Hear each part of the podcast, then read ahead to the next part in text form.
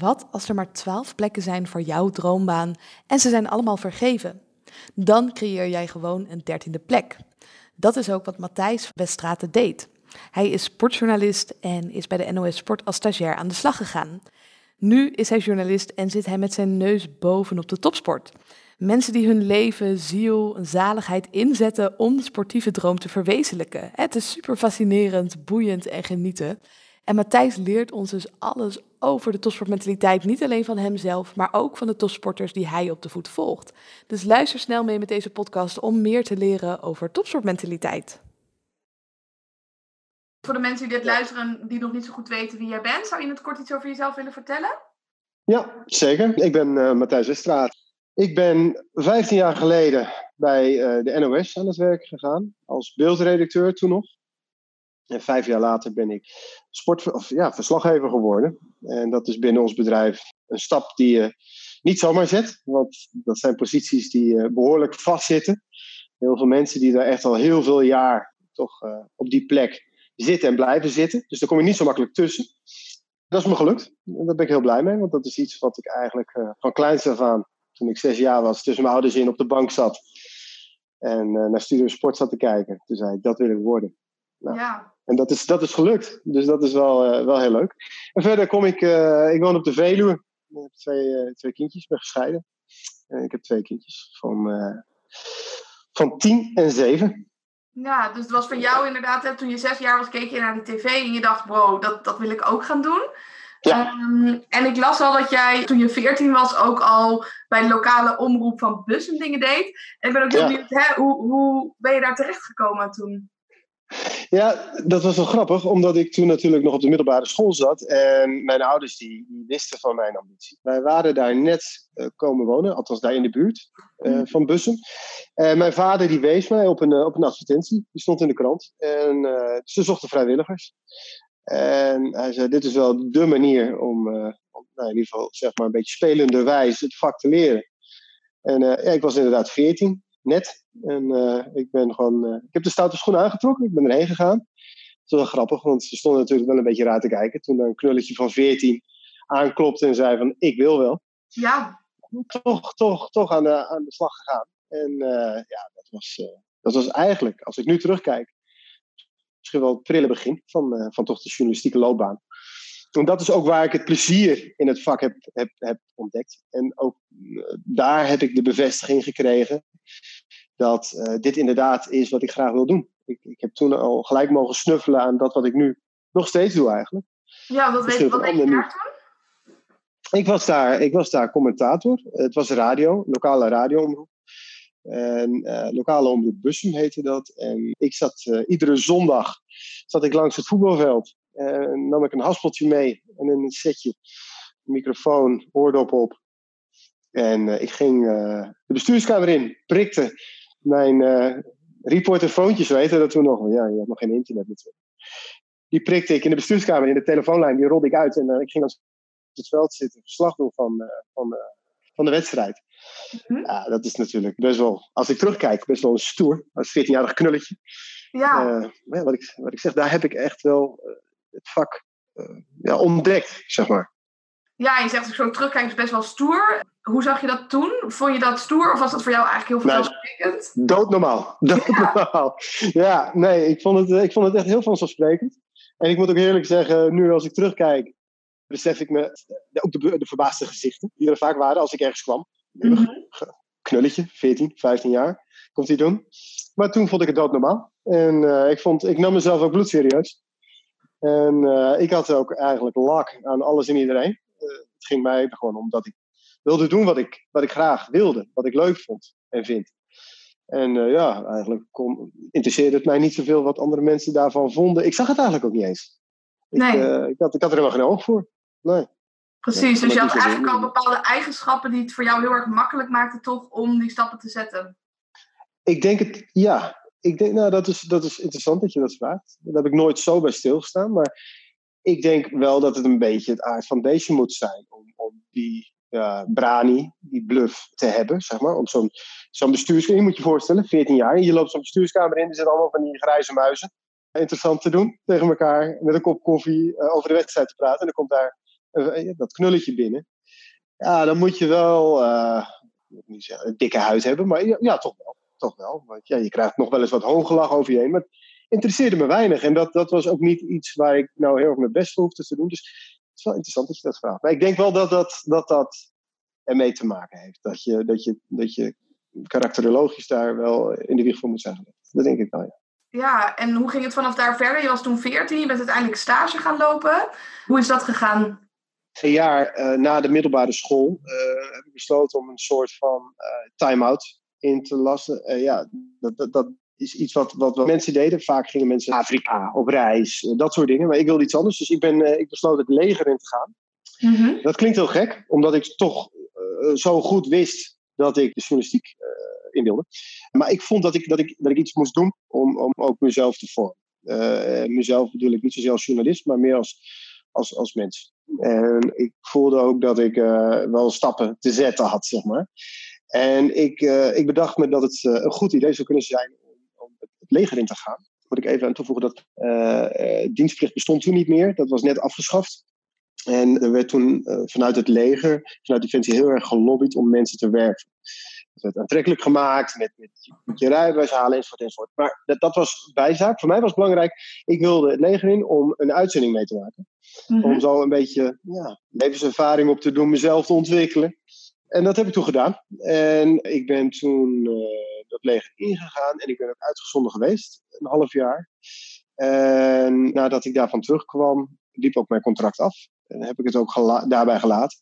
En toen ben ik pas de journalistiek ingegaan. En dat is wel met terugwerkende kracht een bewuste en ook een belangrijke keuze geweest. Omdat ik denk dat ik mezelf daarin wel uh, heb leren kennen, ontdekken. Je zit natuurlijk sowieso, ik was toen ik het leger inging 18 en uh, toen ik eruit kwam, uitkwam net 22.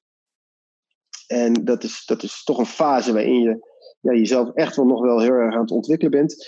Ja, en ik, ik, ik denk als ik daar, daarop terugkijk, op die fase, heel veel mensen ja, kijken verbaasd op als ik daarover vertel. Maar ik, ik vind dat nog steeds een, eh, een van de meest belangrijke, belangrijkste beslissingen geweest in mijn leven. Ja. En uh, alleen op persoonlijk vlak. En daardoor wist ik daarna nog beter, nog zekerder, wat ik wist, welke kant ik op wilde. En toen ben ik uh, journalistiek ingegaan en ben ik inderdaad uh, stage gaan lopen bij, bij Studio Sport. Ja. ja, en je was zo iemand die eigenlijk best wel veel lak had aan de mening van anderen. En toen besloot je van ik ben het leger ingegaan, daar heb ik heel veel geleerd. Ik ben ook heel Klinkt dat arrogant, hè? Had ik daar goed op Of... Oh, sorry, kun je die vraag nog stellen? Um, je vertelde van, joh, ik ging, ik ging het leger in, maar ik, ik had een bepaalde eigenschap. Hè? Je had al lak aan de mening van anderen. Ja. Um, nou ja, bij Defensie is het best wel, hè? je moet uh, doen wat zij vragen. Hoe ging dat? Ja, nou, dat leer je daar wel af, kan ik je vertellen. dat uh, kan me voorstellen. Ja, nou, nou, wat wel grappig is, want ik, ik, ik, ik ging het leger in uh, gewoon als, als soldaat. En dat is onderaan de ladder, om het zo maar te zeggen. In de hiërarchie van, uh, van Defensie. Maar naarmate dat contract wat ik uitdiende, duurde 2,5 jaar. En het einde van die 2,5 jaar, toen ik dus op uitzending ging, had ik mezelf wel een beetje opgewerkt tot, tot plaatsvervangend commandant. Dus blijkbaar zat het wel ergens in me dat ik dan toch wel weer eager genoeg was om om toch iets meer te willen, zeg maar. Maar dat was niet zozeer ambitie. Dat was niet zozeer omdat ik nou zo graag wilde, of dat ik zo graag baas wilde zijn, helemaal niet. Want zo ben ik helemaal niet. Maar eh, dat is dan toch wel weer eh, de, de, aard van het beestje wat dan uh, naar boven komt. En dat betekent ook wel dat voor mij geldt, dat als ik iets heel graag wil, dat, dat, dat, dat ik gewoon mijn nagels erin zet en dat ik het ook echt aangrijp. En dat wil niet zeggen dat het ook lukt. Maar ik ga er wel alles aan doen om het te laten lukken. Precies, en dat is die ja. verantwoordelijkheid voor jezelf. Ja, ja, en ik geloof, ik ben daardoor ook, ook, ook door de fase daarna, dat kan ik zo uh, iets over vertellen over, over die stage, want dat ging ook niet zonder slag verstoot. Maar ik kan wel zeggen dat ik ervan overtuigd ben dat ik denk dat niet zo is natuurlijk dat alles wat je wil, dat dat gebeurt, dat het lukt. Nee, maar ik denk wel dat als je echt iets wil, uh, dat je een hoop kunt afdwingen. Dat heb ik, dat heb ik wel geleerd. En dat biedt geen garanties, nooit. Maar ik denk wel dat je ook geluk of toeval voor een deel wel kunt afdwingen. Door het maar graag genoeg te willen. Ja, door, in, door, door erin te geloven. Dat, dat, dat, dat heb ik in het leger meegemaakt. En later dus ook met, met mijn stageplek bij, uh, bij Studio Sport. Omdat toen ik, toen ik journalistiek studeerde, in het derde jaar, ja, waren wij toen aan de stages. En ik wilde natuurlijk mee En dat was stage lopen bij, bij de NOS. Mhm. Alleen, dat wil iedereen die journalistiek doet. Althans, die radio- en televisiejournalistiek uh, doet. Dus dat, ja, het was zo dat uh, daar, ja, die plekken die waren allemaal gevuld. Er hadden al ik hoeveel mensen zich aangemeld. Dus dat, was, dat, werd een, dat leek een kansloze missie. Maar toen heb ik, omdat ik per se daar terecht wilde komen, heb ik voorgesteld van, joh, kan ik niet in de zomer bij jullie aan de slag? Normaal gesproken zijn stageplekken zijn natuurlijk gedurende het schooljaar. Maar goed, bij Studio Sport uh, in dit jaar, het was 2004, hadden we, er was een Olympische Spelen, een EK voetbal, er was heel veel werk. Dus ze konden bij de NOS alle handjes wel gebruiken. Dus ik heb gezegd, kan ik niet dan in de zomer komen? waarop zij zeiden, nou ja, als jij dat met je opleiding voor elkaar kunt krijgen, dan vinden wij dat uh, heel fijn. En dat was prima. Dan moest ik mijn zomervakantie inleveren. Maar dan, ja, dat mocht ik helemaal zelf weten. Dus dat heb ik gedaan. Dus op die manier, dat is, dat is nou niet zozeer, dat het moet niet klinken als borstklopperij, zo is het helemaal niet. Maar ik, ik denk wel dat als je iets echt graag wil, dat er bijna altijd wel een manier te verzinnen is waarop je iets kan forceren. Zonder dat je dus zeker weet of het gaat lukken. Nou, en dat is nu ook uh, gelukt. Want uiteindelijk, niet direct, maar na die stageplek, na een paar maanden, contact blijven houden. Belden ze op en zeiden ze, nou, we hebben een plek voor je. Die plek ben ik gaan invullen. Ik ben nooit meer weggegaan. Ja, en je zegt inderdaad van als je maar graag genoeg wil, dan komt het wel. Maar eh, ik hoor je ook zeggen, ik moest wel mijn zomervakantie opofferen. Ik moest wel zelf hè, die creatieve ideeën bedenken. Uh, was dat iets wat leeftijdsgenootjes ook deden? Of was jij daar uniek in? Nou, nee, dat denk ik niet.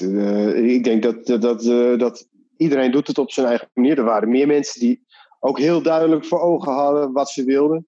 De een ging linksaf, de ander ging rechtsaf. Ik denk dat dat wel een beetje samenvalt met hoe graag iemand iets wil. In iedere opleiding heb je te maken met mensen die zeker weten dat ze willen wat ze aan het doen zijn, namelijk die opleiding en alles wat daaruit volgt.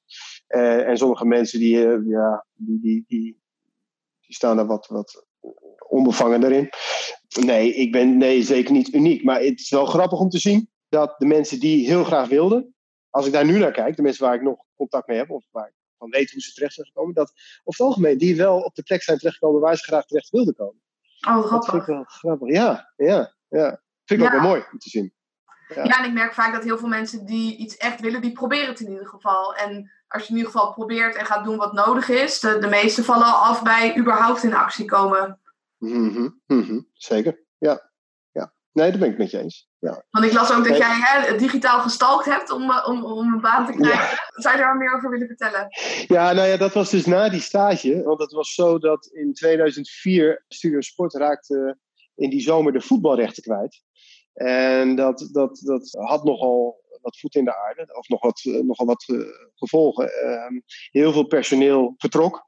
Uh, toen had je Talpa, hè, dat ontstond toen. Die hadden die voetbalrechten. Nou, heel veel mensen gingen erheen. Dus ze, hadden geen baan voor me na mijn stageplek. En dat vond ik natuurlijk heel erg, want die had ik heel erg op gehoopt. Uh, dus ik heb echt een, paar maanden tot bijna een jaar heb ik, ben ik contact blijven houden. Ik heb natuurlijk in eerste instantie mijn stinkende best gedaan tijdens die stage uh, zelf. Uh, maar daarna, toen ik in de wacht moest, heb ik wel echt, nou ik zou zeggen om de twee, drie weken, een mailtje gestuurd, een belletje gedaan van hé, hey, ik ben er nog. Vergeet me niet. En ik, ik, ik moet je eerlijk zeggen dat ik niet eens weet of dat nou echt geholpen heeft. maar in ieder geval, ze zijn wel aan me blijven denken. En ja, toen, ik geloof een maand of negen, tien later, ging de telefoon en, en kwam dat belletje.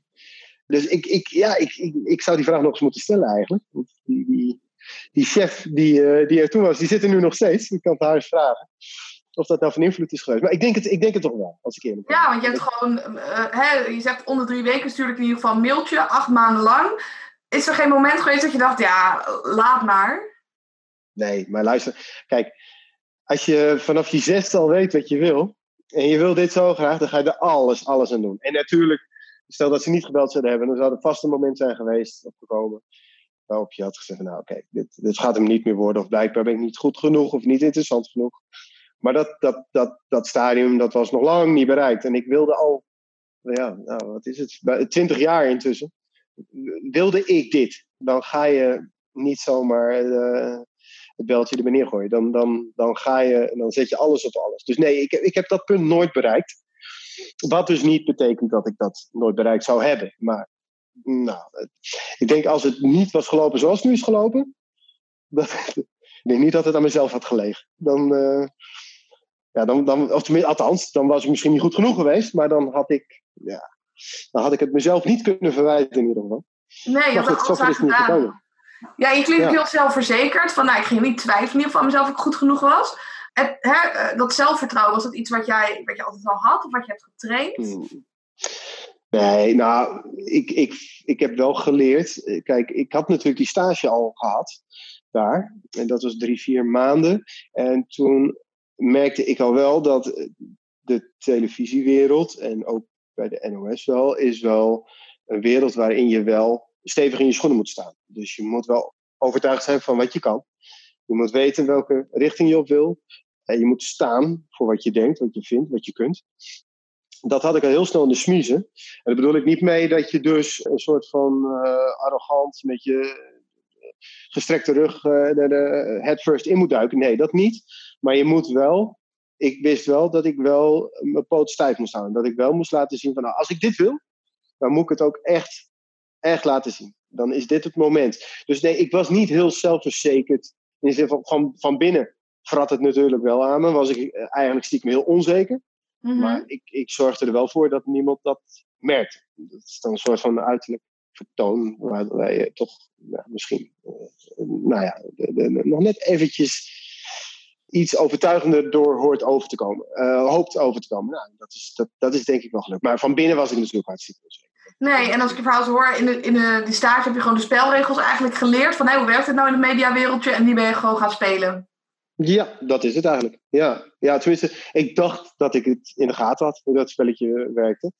En, en nu, ik bedoel, ik werk er nu 15 jaar. Nu denk ik wel dat ik, dat ik het bij het goede eind had. Ik denk wel dat, dat het de juiste manier is geweest. Omdat je toch wel merkt dat de, de mensen die in ieder geval laten zien dat ze, dat ze er zijn, dat ze het willen en dat ze het kunnen natuurlijk, die, die komen er vaak wel. En, en dat, ik, daarom zeg ik ook net, van, ik denk dat dat geldt, dat is niet alleen voor deze branche, maar ik, ik, mijn mening is dat, dat geef ik mijn eigen kinderen ook mee, dat als je iets heel graag wil, dan moet je het ook laten zien. En dan moet je gewoon je stinkende best doen.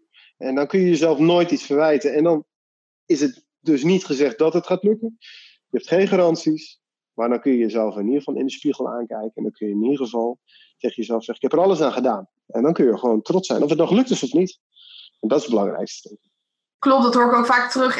Ik coach mensen om een krachtige mindset te krijgen. En wat ze ook vaak vertellen is: nou ja, als je in ieder geval alles in hebt gedaan, dan weet je ook of het wel of niet bij je past. Maar als je maar ja. 50% geeft, ja, dan blijf je twijfelen. Dan blijf je ook aan jezelf twijfelen van, oh, je baalt dat je niet alles erin hebt gestopt. Ja, ja, en dat is zonde. Ja. Dat is zonde. Ja, en dat, dat maakt iedereen wel eens mee. Dus uh, jij, ik, wie dan ook. En, en daar leer je van. En, en dat, dat, is, dat is dan misschien wel weer het positieve aan zo'n situatie. Dat je ervan kan leren.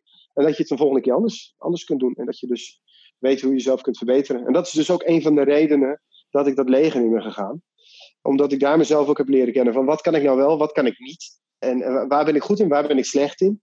Wat vind ik leuk en wat vind ik absoluut niet leuk. Allemaal dat soort.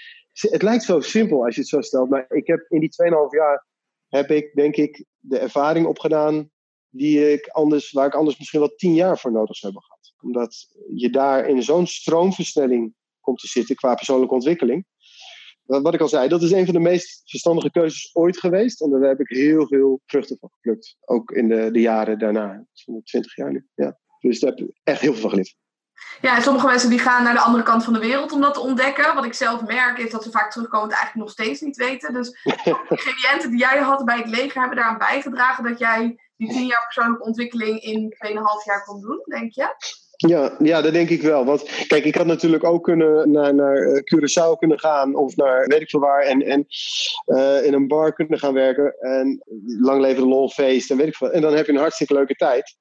En daar kijk je dan waarschijnlijk met heel veel plezier op terug. Maar onderaan de streep, behalve dat plezier van dat moment, ja, brengt het niet zo heel veel op persoonlijk vlak, denk ik, qua ontwikkeling. En daarom was dit ook wel echt een bewuste keuze om, om, om, om deze kant op te gaan. Om dit en ik wilde ook per se die uitzending meemaken. Dus niet, het ging mij niet zozeer om dat ik nou gedrild wilde worden in het leger of uh, alleen maar dat rijbewijs wilde. Nee, ik wilde echt, ik wilde echt een uitzending. En uh, daar ben ik ook met terugwerkende kracht heel blij dat dat gelukt is. En ik denk dat ik in dat half jaar, dat is mijn half, ja, een half jaar geweest van, van dat 2,5-jarig contract. Dat half jaar, dat, dat, dat heeft mij meer gebracht dan, dan ik van tevoren had verwacht in ieder geval. En je zei, ik wilde heel graag op uitzending. Dus wat was hetgeen wat jij uit die uitzending wilde halen? Nou ja, vooral mezelf leren kennen. Dus kijken waar ik tegenaan zou lopen. En dat moet ik heel eerlijk zeggen, want nou lijkt het net alsof ik mezelf die vragen vooraf allemaal zo concreet gesteld heb. Maar zo is het niet hoor. Het was, het was meer dat ik, ik voelde vooraf dat het een verstandige keuze zou zijn. Uh, omdat ik heel veel positieve ervaring, ervaringen terugkreeg van anderen. Uh, mensen die dat meegemaakt hadden.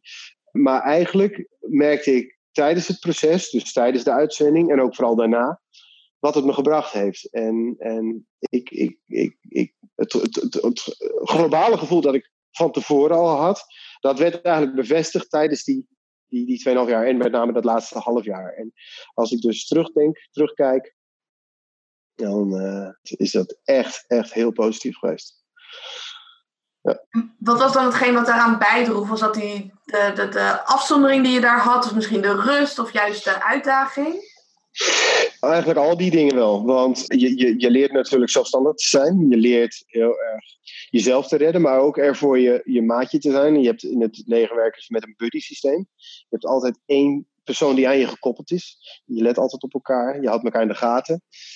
Dat, dat is ook een stukje verantwoordelijkheid waar je, nou, zeker in een oorlogssituatie, best wel heftig. Daar heb ik heel veel geleerd. En ook natuurlijk, ik, was in, ik zat in Kosovo. Daar, uh, ja, de, NAVO had de jaren ervoor net uh, de boel daar nogal plat gegooid. En het was daar een redelijke bak ellende met veel armoede, geweld en, en uh, families die gespleten waren. En, en, en, en nou, gewoon veel ellende. Ja, en, en dat opent je ogen ook wel. Want dan kom je daar als guppie van 21, kom je daar aan en dan besef je wel van, ik kom uit een heel andere wereld. En dan ga je ook andere dingen op een andere manier. Uh, nee, de, de dingen die je de, de, voor ons dagelijkse gebruikelijke dingen, die ga je op een andere manier leren waarderen. Dat hoor je ook van mensen die bijvoorbeeld in Afrika zijn geweest uh, en daar armoede gezien hebben en weet ik wat. Uh, dat, dat geldt voor mij ook een beetje. En, en, en daarbij opgeteld dus, dus dat besef van wat je hebt. Daarbij opgeteld een stukje persoonlijke ontwikkeling. Zelfverantwoord, zelfverantwoordelijkheid, uh, verantwoordelijkheid naar elkaar toe, discipline dat soort zaken. Dat maakt wel dat je bepaalde keuzes in het leven ook anders maakt. En dat is ook bijvoorbeeld, eh, om het maar heel concreet te maken, een mooi verschil dat tijdens mijn middelbare schooltijd ging het allemaal redelijk makkelijk af. Daar deed ik er ook niet zoveel voor, omdat het zo makkelijk ging. Dat heb ik in mijn studie daarna heel anders aangepakt. Omdat ik toen me realiseerde van ja, maar ik, ik, ik, wil, ik wil dit echt, dus moet ik ook echt nu gaan knallen. En er wat voor doen. Uh, dus meer, ik werd verant, ja, verantwoordelijker eigenlijk. Volwassener. Ja, dat is het eigenlijk. eigenlijk. Eigenlijk ben ik in, die, in dat half jaar. Mijn moeder zegt altijd: Jij bent in dat half jaar van een jongetje een vent geworden. Nou, zo voelt het ook wel een beetje. Zo voelt het ook wel een beetje. Ja, en die discipline is iets waar denk ik heel veel mensen mee struggelen. Uh, stel dat iemand hier naar luistert en denkt, nou, ik zou ook wel meer discipline willen, maar ik wil er niet helemaal voor op uitzending. Hoe kan je meer discipline krijgen? Oeh, dat is een goeie. Want ik heb, ik heb dat, dat half jaar daar echt voor nodig gehad. En ik, dat wil niet zeggen dat ik denk dat ik er anders niet was gekomen. Uh, maar ik denk wel dat ik, dat ik veel langer de tijd nodig zou hebben gehad. En dat ik wel tegen andere dingen aan zou moeten zijn gelopen. Ja, ik, ik, ik, weet je, ik vind het zo lastig voor iemand anders spreken. Maar ik denk dat het belangrijkste is dat je er open voor moet staan. Dus dat je bereid moet zijn om te veranderen, om, om jezelf te ontwikkelen. En als je, bij wijze van spreken, als ik kijk naar een paar jaar daarvoor, tijdens mijn uh, middelbare schooltijd, toen was ik toch wel, ja, nou niet tevreden met mezelf, maar wel tevreden met mijn leven. Ik dacht, ach, ik heb het wel aardig op de rit en ik, uh, ik weet wel hoe het werkt allemaal. En dat is natuurlijk ook gekoppeld aan leven, aan, aan de leeftijd, want je bent puber en, en, noem maar op. Maar als je, als je, als je ervoor open staat, denk ik dat, dat, ik denk dat dat het belangrijkste is. Dat is mijn, mijn overtuiging. Ik denk als je ergens voor open staat, dat je, dat je ook je kunt ontwikkelen. Dat je kunt veranderen en dat je stappen kunt zetten. Je moet het, je moet het willen. En dat is hetzelfde als met nou ja, waar we het in het begin over hadden. Het gaat om een baan, een bepaald leven. Als je iets wil, ja, je moet je ervoor openstellen en je moet je vingers, je moet je nagels erin zetten. Ik ben, ik ben er echt van overtuigd dat dat voor nodig is. Ja. Maar het is, het is altijd lastig om voor een ander te spelen. Ik ben de laatste die een ander wil gaan vertellen hoe, hoe je iets moet doen. Maar het is wel mijn, mijn eigen ervaring. Ja, en wat, ik je ook hoor zeggen is natuurlijk van... Hey, je, je moet in ieder geval voor openstaan. Op de middelbare school vond je het eigenlijk allemaal dat je het hartstikke prima deed... en durfde je ook niet eigenlijk naar te kijken van... Hoe kan ik nou 1% of 2% beter worden? Ja, ik vond niet nodig. ja, dat hoorde bij de leeftijd. Dat is, ja, weet je, dan denk je dat je het allemaal wel weet, allemaal wel snapt. Ja, soms heb je een, een gebeurtenis of gebeurtenissen of een fase in je leven nodig, waar, waardoor je, waardoor je ja, toch die, die de ogen openen. Of de ogen opent. En waardoor je toch eventjes tot het besef kunt komen van hé, hey, het kan ook anders. En misschien moet het wel anders. Ja, en die situatie heb jij zelf opgezocht ook. Ja, ja, ja. Zonder dus dat heel bewust uh, me van tevoren hebben voorgenomen. Ik ben, het, het, is niet echt een heel bewust. Het is wel, nou ja, wat ik net al zei. Het is, het is, ik wist dat ik iets moest doen voordat ik die studie aanging.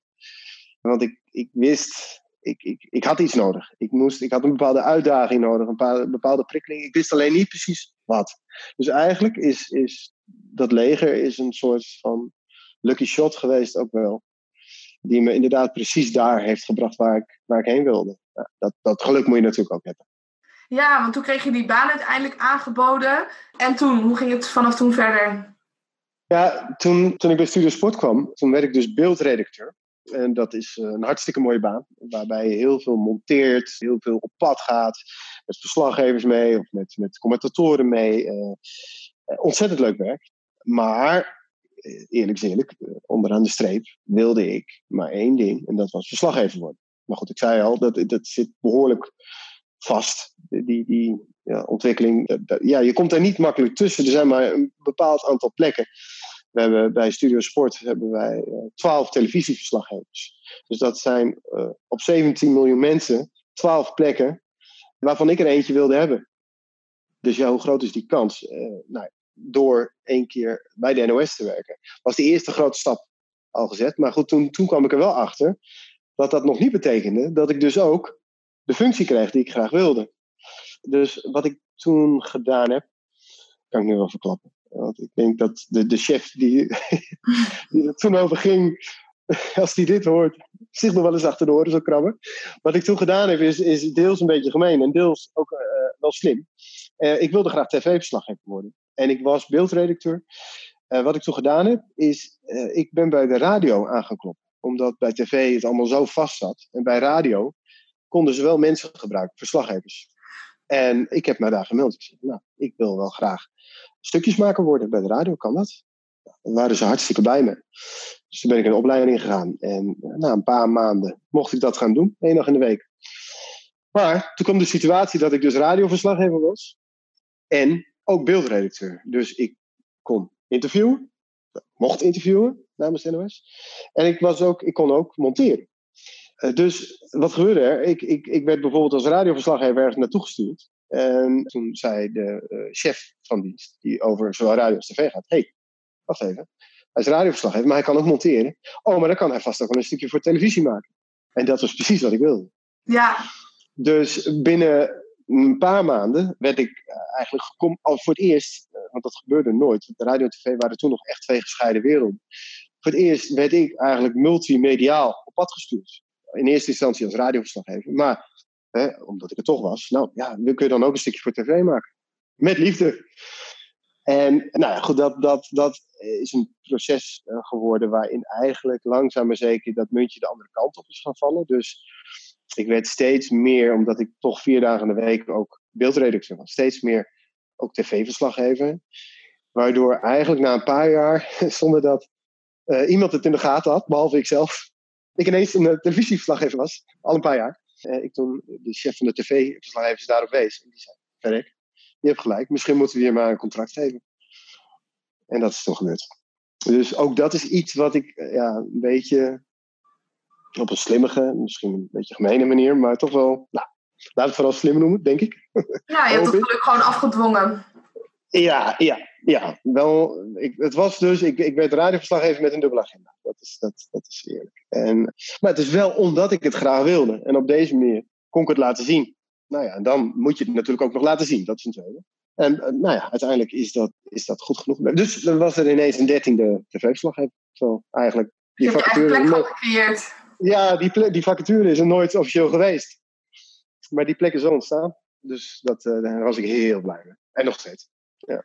Ja, je zei de dingen die ik heb bereikt, dat was geen ambitie. Eh, wat was het dan wel? Wat bedoel je? Je zei over het leger dat je daar ook stappen ging zetten om er hoger op te komen. Maar ambitie, dat, dat was het niet helemaal. Net zoals bij uh, je, je carrière eigenlijk. Wat, wat was het dan voor jou?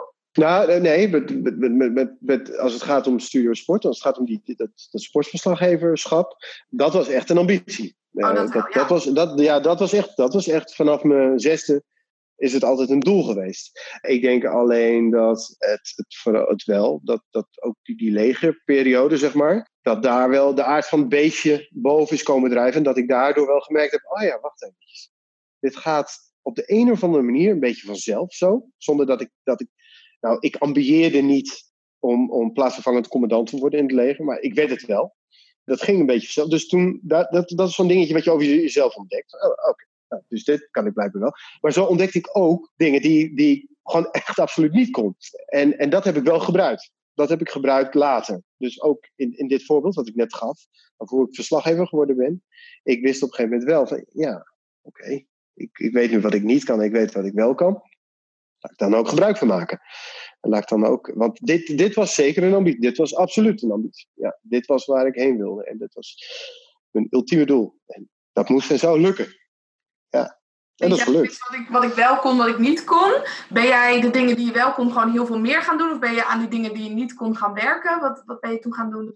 Ik ben me vooral gaan richten op de dingen die ik wel kon. Daar, daar ben ik het maximale uit gaan halen. En van de dingen die ik niet kon, even op zoek naar een, een, goed voorbeeld. De dingen die ik niet kon, eh, die ben ik. Eh, de, de, nou, laat ik zo zeggen, de zaken die ik wel nodig had, waar ik minder goed in was, die ben ik wel gaan proberen te ontwikkelen.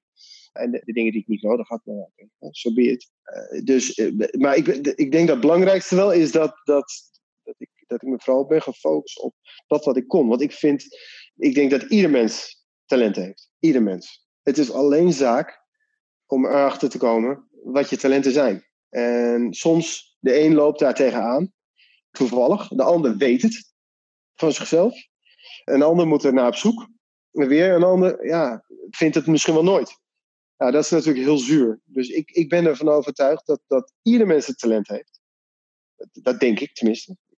Overtuigd, ja, zeker weten doe ik niet. Maar ik denk dat ieder mens talent heeft. Alleen het is zaak om erachter te komen wat die talenten zijn. En ik denk door heel goed en kritisch naar jezelf te zijn. En, en te kijken waar, waar ben ik nou wel goed en wat kan ik niet.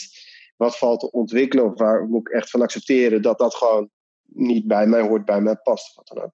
Ik denk als je het op die manier aanpakt, dat je dan vanzelf ook snel genoeg achter je talenten komt. En dat je uh, snel genoeg ontdekt wie je bent, wat je kunt en waar je naartoe wilt.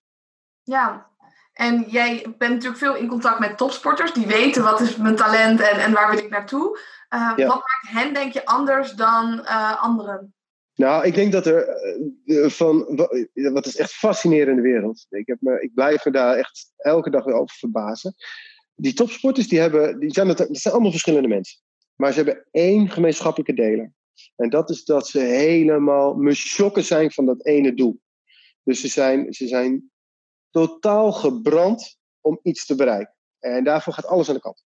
Alles. Nou, juist in deze tijd, hè, we zitten natuurlijk midden in de coronatijd, komt dat misschien nog wel meer naar boven dan ooit. Ik was vorige week was ik bij een postdoc hoogspringer. Die besloot om een postdoc hoogspringbaan in zijn achtertuin, of in de achtertuin van zijn trainer aan te leggen. Omdat hij wist, ik moet op niveau blijven. Ik moet blijven trainen, want ik wil naar die Olympische Spelen. Ook al is het een jaar uitgesteld nu. Ik wil erheen. Dus alles gaat aan de kant. Hij heeft zelfs zijn vriendin mee in quarantaine genomen. In de achtertuin van zijn trainer, in een tuinhuisje. Zit daar al een maand. Ten nikse. Alleen maar trainen, trainen, trainen. Uh, omdat hij, hij wil dat bereiken. En dat is, dat is wel, wat ik daar zag, is illustratief voor wat je eigenlijk bij bij bijna alle topsporters ziet. En, en degene die daar, die daar niet over beschikken, over die capaciteit, dat zijn dan toch vaak de topsporters die het net niet halen. of niet dat allerhoogste niveau bereiken. Of, of je hebt ook broodsporters die het doen om, om salaris te genereren. Broodvoetballers, ik weet niet of je het begrip kent, maar ja. dat zijn, ja, nou ja, dat zijn, dat zijn toch mensen die voetballers, sporters, die, die kunnen goed voetballen, maar die doen het voor de boterham. En, en ook omdat ze het leuk vinden, maar niet zozeer omdat ze nou per se in Nederland zelf terecht willen komen. Soms omdat ze weten, daar ben ik niet goed genoeg voor, maar soms ook omdat ze het wel prima vinden. Nou, ik denk dat, dat de echte topsporters, de mensen die er echt komen, dat, dat die wel die gemeenschappelijke delen hebben. Dat die echt, daarvan gaat alles aan de kant. Uh, op sociaal vlak soms, op werkvlak, op, op, op, nou, verzin het maar. Alles gaat aan de kant om dat ene doel te bereiken. En daar ben ik soms wel jaloers op, want ik heb dat deels, maar niet zo sterk. En daarom ben ik ook wel eens niet jaloers op, omdat ik ook wel zie wat de keerzijde van die medaille ook kan zijn. Dat je, nou ja, voor mij persoonlijk is mijn sociale leven is ook heel belangrijk mijn familie, mijn vrienden. We hebben het net uitgebreid over mijn werk gehad. je weet nu hoe belangrijk dat al mijn hele leven voor me is geweest. En, en nu ook nog steeds is. Maar dat betekent niet dat daarvoor alles aan de kant gaat. Ik heb nu twee kinderen. Dus het zal je niet verbazen dat die, die voor alles gaan. Maar dat geldt ook voor mijn sociale leven. Als je mij nu zou vragen van joh, je kan dit werk blijven doen, maar daarvoor moet, moet je alles aan de kant gaan. Je sociale leven, je, je, noem het maar op. dat zou ik niet kunnen.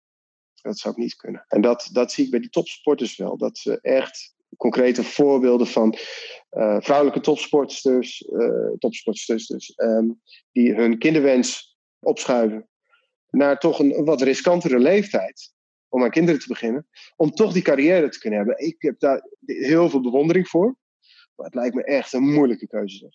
Echt heel moeilijk. ik vind dat heel knap dat, dat mensen zich zo vast kunnen bijten in dat ja, toch voor hen ultieme doel om, om dat maximale te bereiken. Ik vind dat echt heel bizar, heel knap.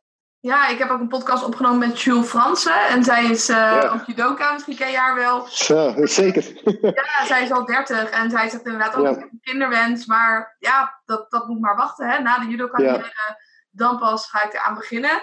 En hè, misschien herken je dat wel bij, bij topsporters. Staat sport gewoon op plek 1, 2, 3, 4, 5 tot en met 10. Ja, en je noemt nu een voorbeeld, Jules Fransen. Ik ben judo-commentator bij de radio, dus ik ken haar heel goed. Jules is ook nog eens een, voorbeeld die op meerdere vlakken zich vastbijt in, in uh, haar ambities. Want zij heeft, en daar zullen jullie het ongetwijfeld over gehad hebben, een conflict gehad met, uh, met de judobond. Lang verhaal kort maken, de judobond besloot dat de judoka's gecentraliseerd moesten worden in Arnhem, in Papendal. Dat betekende dat ze bij hun eigen club weg werden gehaald en zich moesten gaan vestigen in Arnhem. Uh, in die buurt in ieder geval, om daar te gaan trainen, afscheid nemen van haar eigen coach. Nou, Jules was toen, ik meen, 6 of 27 en was echt verknocht, een, eenheid met haar coach, Mark van Ham. En uh, ja, die, zij gaf aan, ik, als ik dat doe, dan is dat voor mij drie stappen terug.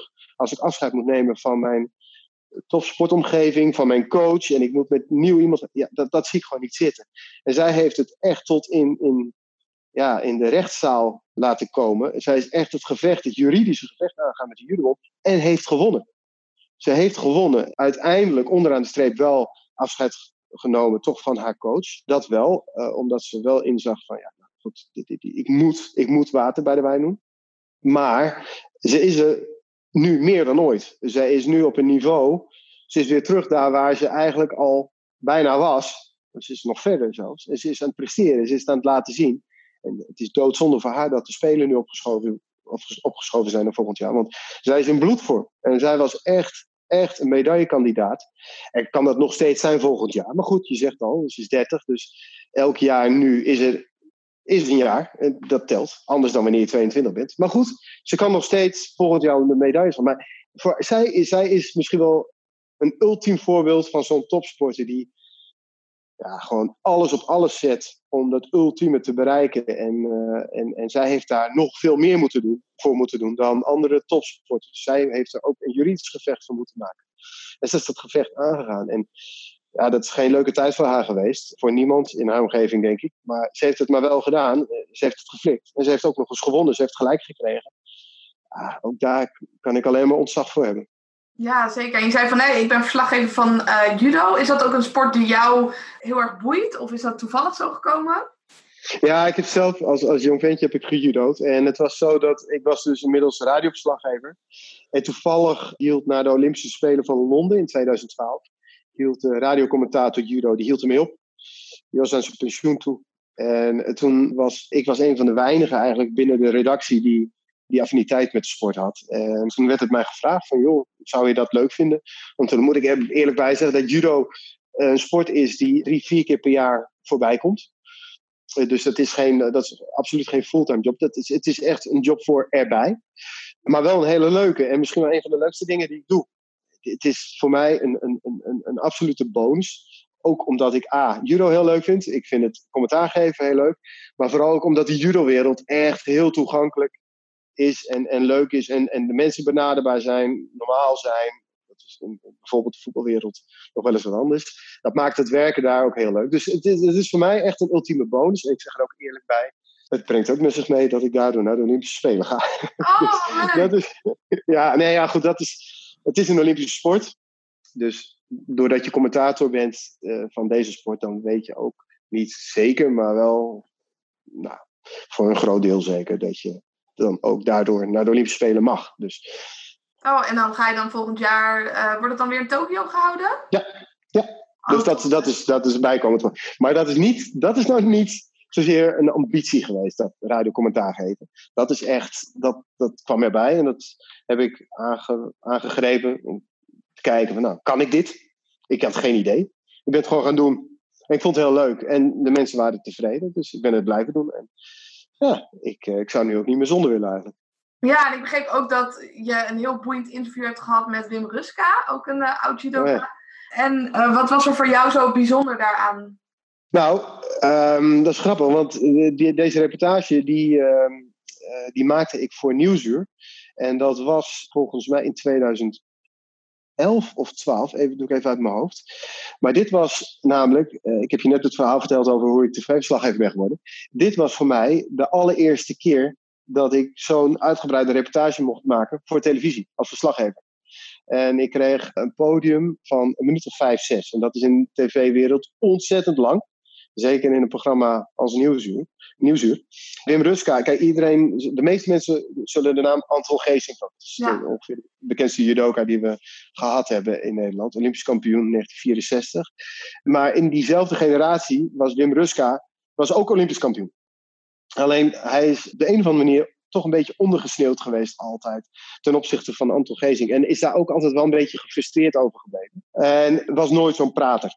En in 2000, ja, ik dacht dat het 2011 was, kreeg ik dus de kans om bij hem langs te gaan. Om een, met hem ja, een soort van terug te blikken op zijn leven. Hij was inmiddels een oude man. Uh, was slechte been, zat in een rolstoel.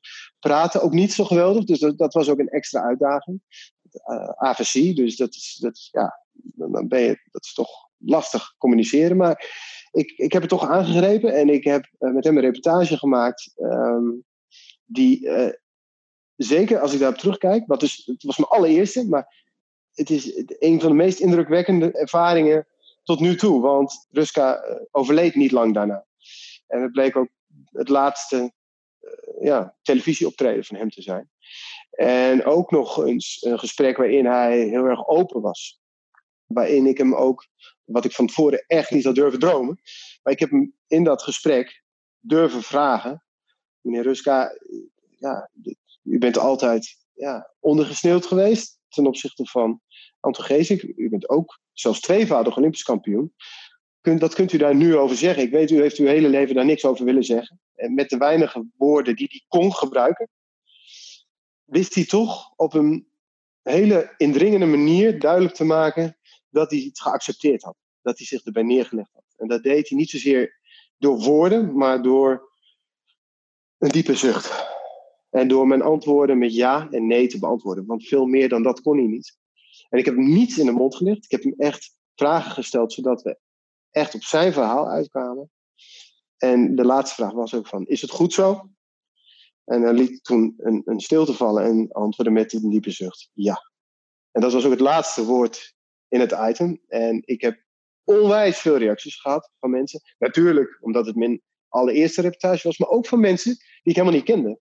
En die wel Wim Ruska kende. En die hem nog nooit zo aan het woord gehoord hadden. En die dacht van, wie is dat uh, schoffie, die, met die, man, aan de, die die man aan het praten heeft gekregen. Die hem ja, je hebt een hele kwetsbare kant bij hem naar boven weten te halen. Ja, ja, ja. En ik, ik, kijk daar nog steeds met een heel bijzonder gevoel op terug. En dat heeft natuurlijk ook te maken met het feit dat hij niet lang daarna overleed. Maar dat, dat maakte diepe, diepe indruk op mij. Ja. En dat was wel ook, ook wel een beetje een droomstart van, van, van, van mijn carrière. Van mijn carrière als, als verslaggever. En dan is het nadeel wel weer dat daarna heel veel klein bier voorbij komt. wat dan wel weer even, wat, wat je weer met de beide poten op de grond zet. Toch, dat hoort er ook bij. Maar je hebt wel gelijk dat je het aanhaalt. Want het is echt een uh, ervaring geweest die ik denk ik niet, niet, niet snel ga vergeten. Niet meer vergeten. En hoe kan het, denk je, dat, dat, dat jij dat kwetsbare in hem naar boven wist te halen? Oeh, oh, dat zie ik niet zozeer als mijn verdienste. Ik denk meer dat het moment daar was en dat hij, misschien het enige is dat hij, hij heeft zich Sanang gevoeld. Hij, hij, hij was op zijn gemak, dat merkte ik. In het begin was hij wat, wat, wat stugger en het was een, een draaidag, dus we waren ook echt wel een dag met elkaar op pad. En hij, we wenden aan elkaar, zeg maar. Dus ik, dat heeft wel meegespeeld, maar ik denk dat voor hem, dat hij het ook gezien heeft als, als maar goed, ik, dat is mijn eigen interpretatie hoor. Dat hij gedacht heeft, nou weet je, nu is het moment wel daar. Nu kan ik wel gewoon open en eerlijk zijn. Het is nu zo lang geleden. Hij zat toch echt in de, laatste fase van zijn leven. Ik denk dat dat, dat, dat, dat, dat, dat, ik ga dat absoluut niet aan mezelf toeschrijven. Dat zeker niet. Nee, ik denk dat hij die keuze maakte en dat de situatie er gewoon naar was en dat alles even op zijn plek viel voor hem. En dat hij dacht van ja, oké. Ik wil het wel vertellen. Dat je in ieder geval de tijd hebt genomen. Je zei, ik ben een hele dag gaan filmen. Ik denk dat dat ook wel een rol heeft gespeeld. Ja, ja, ja, daarom zeg ik. Ik denk dat alles een beetje in elkaar viel. En dat hij zich uh, serieus genomen voelde die dag. dat is toch een gevoel wat hij, wat hij zijn leven lang tijdens zijn carrière heel erg gemist heeft. Omdat iedereen altijd maar over Gezink had. En, en niet over hem. Terwijl hij uh, een Olympische medaille meer had dan Gezink. Dus ik, ik denk dat, dat, dat gewoon alles op zijn plek viel. En dat ik heel veel geluk heb gehad. En, en ja, dat, dat hij, hij, hij was er vooral klaar voor. Ja, en je zei dat was een super bijzondere ervaring. En als je zo terugkijkt op je afgelopen tien jaar als sportverslaggever, uh, is er nog een bepaalde ervaring die bij jou heel veel indruk heeft gemaakt? Um, ja, kijk, er zijn altijd personen. Je komt natuurlijk af en toe kom je ook hele grote namen tegen. En dat is bijzonder. Om, om daarmee te mogen praten die een vraag te mogen stellen. Vaak zijn dat dan maar een paar vragen. Maar ik heb bijvoorbeeld één gelegenheid gehad met uh, Roger Federer, tennissen.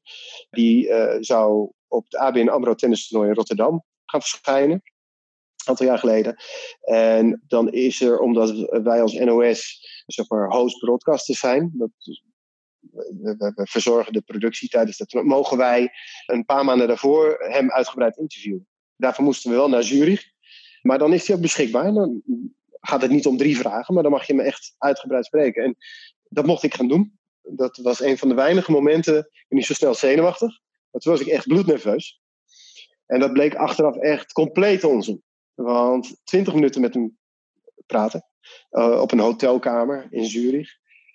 En wat, wat, wat het zo bijzonder maakte was dat ik, nou ja, goed, je gaat naar Roger Federer, een van de grootste sportmensen van deze planeet.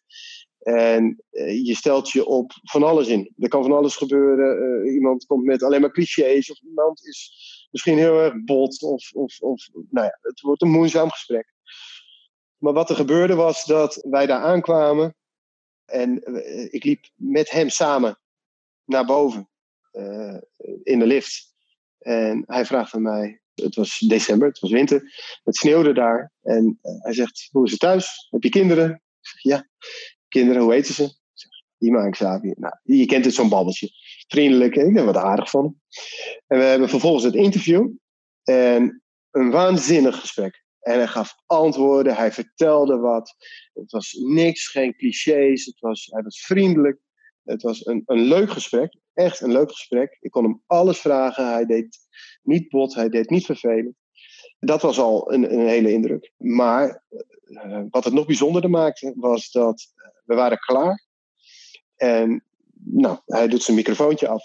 En ik ook. En ik loop nog even naar hem toe en ik geef hem een hand. En ik bedank hem voor de tijd en het gesprek. En hij zegt, graag gedaan. Hij zegt, jij ook bedankt.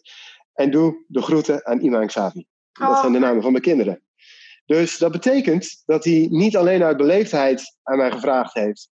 Oh, kinderen, hoe heet ze? En daarna meteen. Nee, hij wist het nog. En dat zegt voor mij ook alles over, over, over hem in dit geval. Dat hij, uh, zoals we hem een beetje kennen, denken te kennen met z'n allen, vriendelijke, ideale schoonzoon. hij is ook gewoon zo. Hij is, hij is, hij is het ook. En, en dat maakte ontzettend veel indruk. En dat is ook heel anders dan Ruska, maar wel een moment die me wel altijd bij zal blijven. Niet zozeer om de grote naam, maar meer om hoe die is. Dus, ja, dat hij oprecht niet, luistert. De, de, een, niet alleen een groot sporter, maar ook een, een fantastisch mens. Een aardig mens. En uh, ja, daar kan ik alleen nog maar meer bewondering voor, voor, voor zo iemand hebben.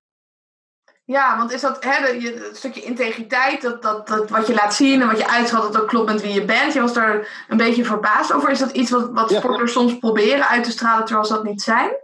Nou, de meesten hebben het niet. En dat, dat vind ik ook helemaal logisch. De, wat, ik al, eh, wat we eerder, waar we het eerder over hadden. Je moet, om, om dat ultieme doel te bereiken, moet je gewoon egoïstisch zijn. Je moet alles aan de kant zetten, alles opzij. Er is maar één doel. En, en dan gaat het niet over koetjes en kalfjes van iemand anders. Nee, dan, dat, dat doet er niet toe. Het gaat maar om één ding. Dat is jouw leven, jouw sportleven, jouw carrière. Dus veruit de meeste sporters zijn zo. En dat snap ik. Dat snap ik. En, en dat begrijp ik. En, en ik heb...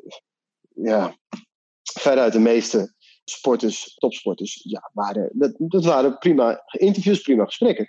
Alleen, ja, dat, dat, dat, was, dat kwam niet in de buurt van wat er met Federer gebeurde.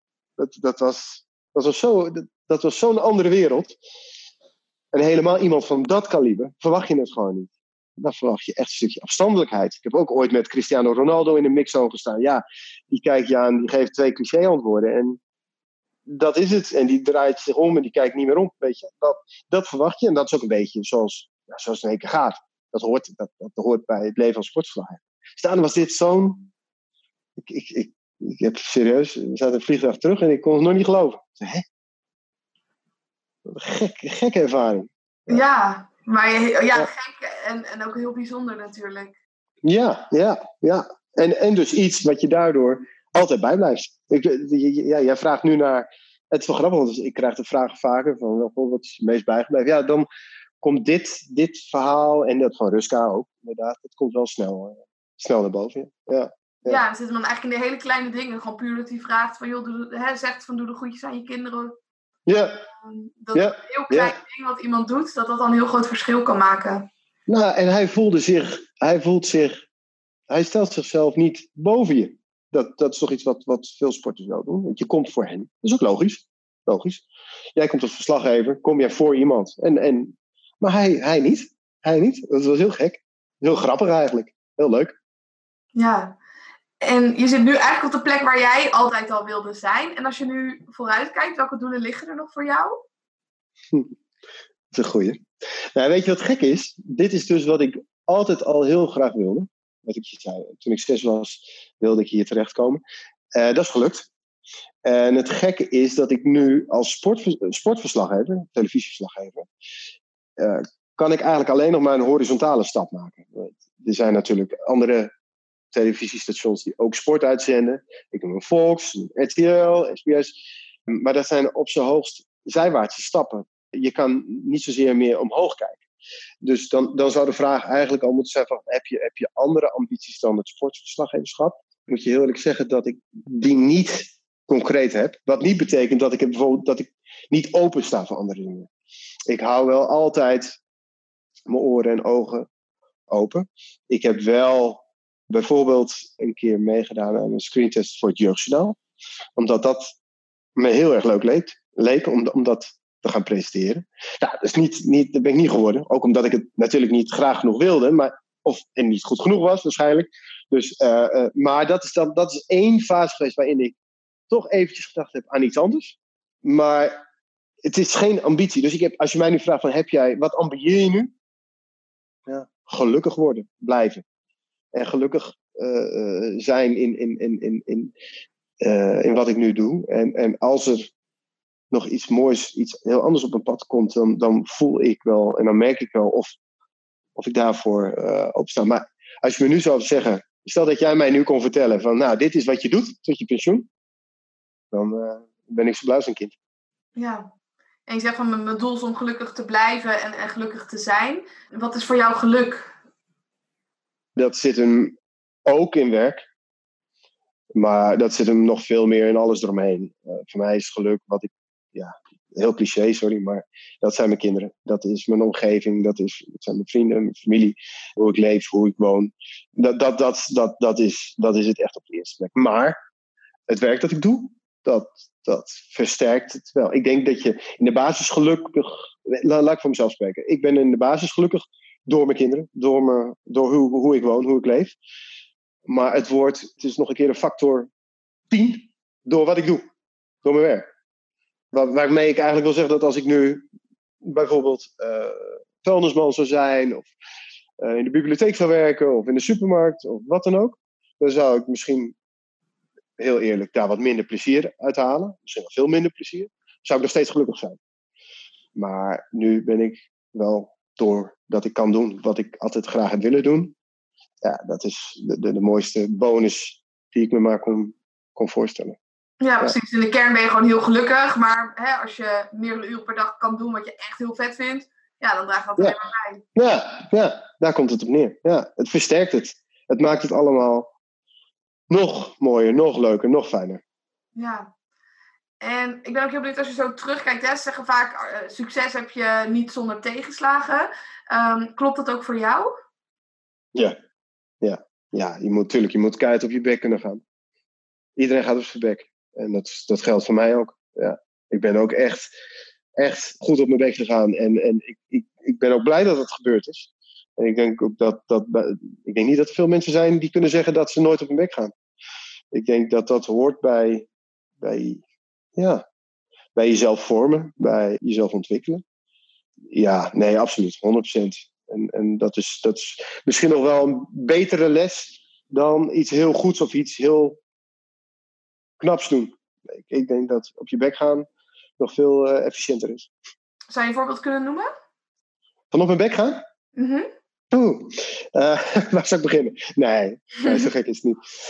Laat ik het zo zeggen. Ik heb in de fase dat ik dus verslaggever werd, uh, of vlak daarvoor eigenlijk, uh, toen, en, en toen ik zag dat, er, dat het toch allemaal wel redelijk stil stond, alle ontwikkelingen binnen, ja, binnen Skamers, binnen de NOS, qua, qua, qua sollicitaties en, en plekken, vacatures en dergelijke. Toen heb ik toch wel een, een soort van in, niet in zak en as gezeten, maar ik heb, er wel, ik heb me er wel bezorgd over gemaakt. Omdat ik op een gegeven moment wel het gevoel kreeg van, hey, gaat dit het dan zijn? Is dit dan hoe ver ik ga komen? En, en, en toen heb ik wel op het punt gestaan om rigoureuze beslissingen te nemen. Waardoor ik een hele andere kant op zou zijn gegaan. En dat bedoel ik niet zozeer de ellende in, maar wel uh, een totaal, totaal andere carrière overwogen hebben. Weet je wel? Dat, dus um, dat, dat was dan niet zozeer op mijn bek gaan. Maar ik moest wel tegen dingen aanlopen. Voordat ik tot inzicht kwam dat het niet de weg was. Dus ik moest wel, ik moest wel eventjes wakker gescheurd worden, zeg maar. Want ik, ik, ik zat toen, ik vrat wel echt aan me. Ik vond het wel echt heel vervelend dat ik zo stil stond. Dat gevoel had ik. Dat ik niet ging komen waar ik graag wilde komen. En dat, dat werkt dan ook wel weer een beetje tegen me qua karakter dat als het dan niet lukt, dan kan ik ook wel weer een soort van uh, gekke sprong maken om, om dan toch maar iets te forceren of zo. En in die fase heb ik wel een aantal uh, beslissingen genomen waar ik goed mee ben weggekomen. Dus ik, dat ik op de een of andere manier toch het geluk heb gehad. Ja, ik weet of het, ja, ik ben nu hard op het nadenken hoor. Maar dat ik het geluk heb gehad dat, ik, dat, ik, dat, ik, dat het toch goed gekomen is. Want het had mijn haar geschild of ik was een heel andere weg in, uh, ingeslagen. Ja, dus je stond stil en uh, daardoor raakte je eigenlijk bijna van je pad af. Ja, een beetje in paniek. Ja. Ja, ja, ja. ja. En, en, en, en dat eigenlijk, dat mensen om me heen zeggen, wat ga jij nou doen? Weet je wel, dat, van, hoezo? Ik dacht van, oh ja, neem nu wel, het is wel riskant wat ik nou aan het doen ben. Als ik dit ga doen, als ik nu linksaf ga, dan ga ik ook echt linksaf. Dan ga ik nooit meer rechtsaf. En uh, dat, je, dat je echt denkt van ja, maar ik moet nu, ik moet nu iets. Weet je wel? Dat je, het voelt een beetje als een kat in het nauw. Ja, eh, ja, ja, ja. Ja, dan moet je soms ook wel gewoon geluk hebben. Dus het is niet dat je alles maar kan afdwingen. Dat wil ik ook helemaal niet zeggen. Je moet soms echt geluk hebben dat je, eh, nou, dat, dat, dat je de juiste mensen om je heen hebt. Dat de juiste dingen gebeuren. Dat de juiste, die, eh, die eh, de, de goede richting in helpen. En hoe vind je de juiste mensen? Ja, dat is een goede. ik, ik, ik weet niet of dat. Is dat een kwestie van vinden? Ik denk dat dat vanzelf gaat. Ik denk dat je de mensen eh, aantrekt die, eh, die bij je passen. Dat denk ik. Ja, Eh, en ik denk dat dat. nou, ik denk dat het daar. Dat, dat dat niet iets is wat je. Wat nou een heel erg wel overwogen beslissing is. Ik denk dat je gewoon. door te zijn wie je bent, dat je vanzelf ook bent met wie je bent. En dat die mensen ook de mensen zijn die, die je nodig hebt. ja. Dus door te gaan staan voor wie je zelf bent. Nou ja, mensen die komen vanzelf dan op je pad. En dan weten Ja. ze ook, oké, ik pas bij jou en eh, je kan elkaar versterken. Ja, precies. Ja. Ja. Ja. Ja. Nou hartstikke bedankt. Ik heb eh, in ieder geval al mijn vragen op die manier aan je kunnen stellen. Ik vond het wel interessant, want je stelde wel een aantal vragen die mezelf ook aan het, aan het denken zetten. Dus dat is wel grappig. Heel, heel leerzaam. Leuk. Ja, en een hele fijne dag verder. Oké, top. Is goed. Doei. Doei. Hoi.